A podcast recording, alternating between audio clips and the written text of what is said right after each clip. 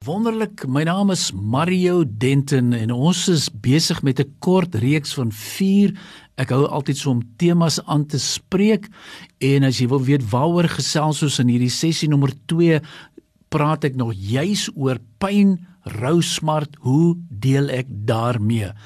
En wat wil ek sê vir julle? Weet jy, dis so 'n belangrike onderwerp. Want hoe hanteer ek my emosies? Hoe hanteer ek my angstigheid, my onsekerheid? Hoe hanteer ek ek voel emosioneel getap?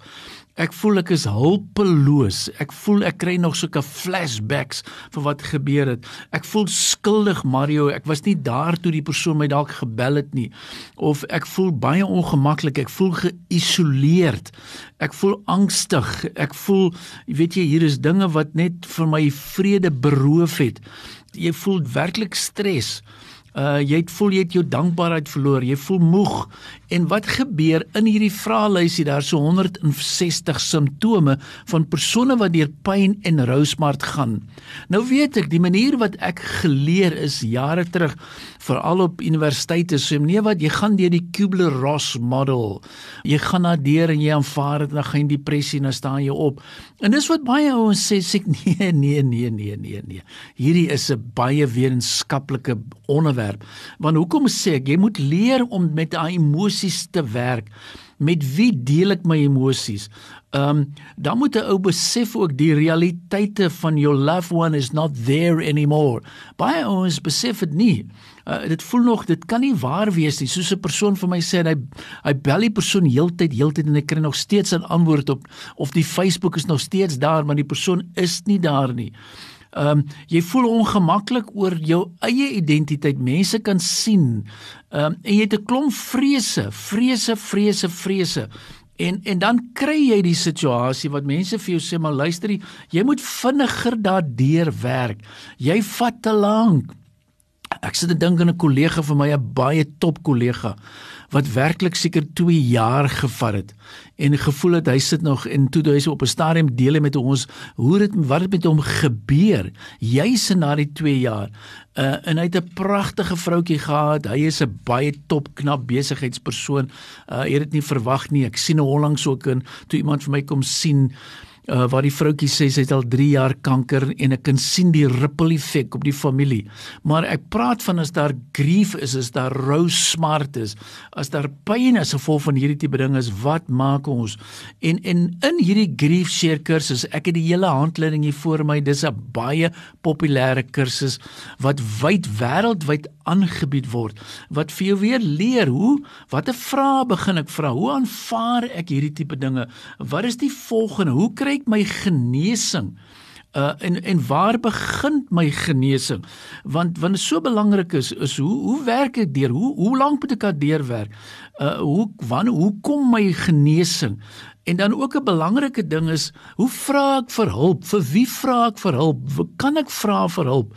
Watter hulp gee hulle vir my? En dis 'n belangrike ene, want soms hou dinge vir jou terug. Jy's so trots en ons is mos nou so groot geraak. Moet nou nie vir almal wys jy's afgehaal, jy's neerslagtig, jy's dis dis depressief nie, want jy gaan werklik deur emosionele toestande. Jy gaan fisies gaan jou liggaam deur 'n moeilike toestand. Daar is geestelik gaan dit deur 'n moeilike toestand en ook jou verhouding. So jy kom op 'n punt wat jy self sê maar ek het werklik hulp nodig. En en hoe kom ek uit? En ek sê ek sê sommer hoe kom ek uit hierdie donkerte uit? Want is 'n reël ene. En vir alles ek sien vir jaar wat dit gebeur met COVID. Ek het gevalle gehoor waar 'n persoon vir my gesê het ons kon nie eers gaan groet dit nie. Ons mag nie eers daar gewees het nie. En nou kom 'n persoon vir my juis in hierdie tye en hy sê but I wonder if God is still close to me. Uh, en en hy voel maar ek ek ervaar dit juis nie so nie of hy voel hy's alleen. Hy was jare 40, 50 jaar getroud. Ek dink in familie van ons wat die mamma ook of die ouma eh, is ook deur COVID in die in die pa ook en ek sien daai gewellige leemte terwyl die een gesterf het. En hoe hanteer mense dit? Hoe hanteer die familie hierdie tipe van dinge? Nou asseblief, julle sal moenie vir my verkeerd verstaan nie. Ouers kan sê Mario, mense praat nie oor sulke donker goeters nie. Nee, dit is omdat jy soms moet hieroor gesels. Ons moet dit verstaan en ons moet weet jy gaan alleen voel. Daar's geen twyfel daaroor nie. En dan gaan ook ook gebeur dat mense vir jou sekere dinge sê wat vir jou gaan seermaak. Eh, veral oor hoe jy moet reageer en jy kan onsensitief wees. En en dan baie maal het ek al gesien hierdie mense wat sê as ek hom net weer kan vasdruk, as ek net weer hom kan voel. En daarom wil ek sê vir julle ouens asseblief, asseblief, asseblief Dis nou nie 'n huwelikskursus hier nie, maar as moet doen moeite.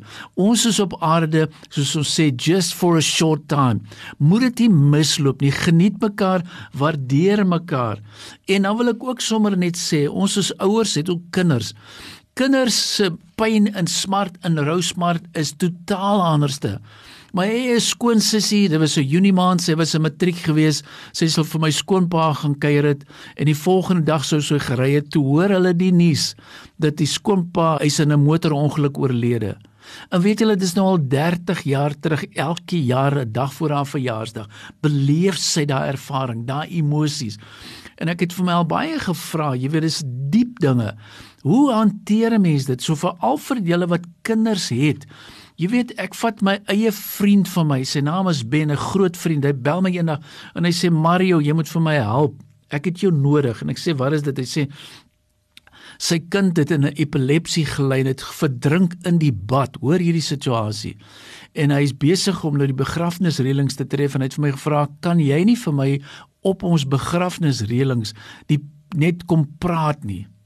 En dit is baie moeilik en op daai stadium in daardie tyd besef ek dat ek net vir 'n paar persone vra watter advies het julle vir my en ek sal dit nooit vergeet toe 'n persoon vir my sê moet nou net nie vir die mense sê jy weet die blommetjie is gepluk nie en daar's 'n tyd vir alles en al daai goeters weet jy maar ons het so 'n belangrike gesprek gehad en want jy moet hierso wat ons sê jy moet reël wees en jy gaan jy stil moet raak. Jy moet gaan dink oor hoe kry ek my genesing? Waar kom dit vandaan? En hoe vat ons dit verder? So vir alles daar nog kinders is ek het nou 'n paar keer daaroor praat, kry die inligting. Praat deur as jy in 'n gemeente is en jy's 'n pastoor van 'n gemeente en jy het nie grief share nie, dan wil ek amper vir jou sê jy's onverantwoordelik. Jy kry die program. Jy word opgelei. Enige gemeente moet dit hê. Dit gaan nie net oor die begrafnis en alles is oor nie. Asseblief, asseblief, asseblief.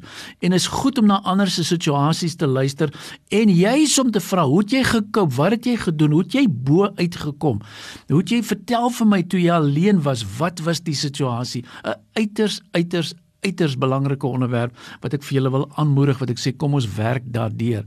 So grief share is dit reël? Die antwoord is ja, ja, ja hanteer almal dit dieselfde? Nee, ons hanteer dit beslis nie almal dieselfde nie.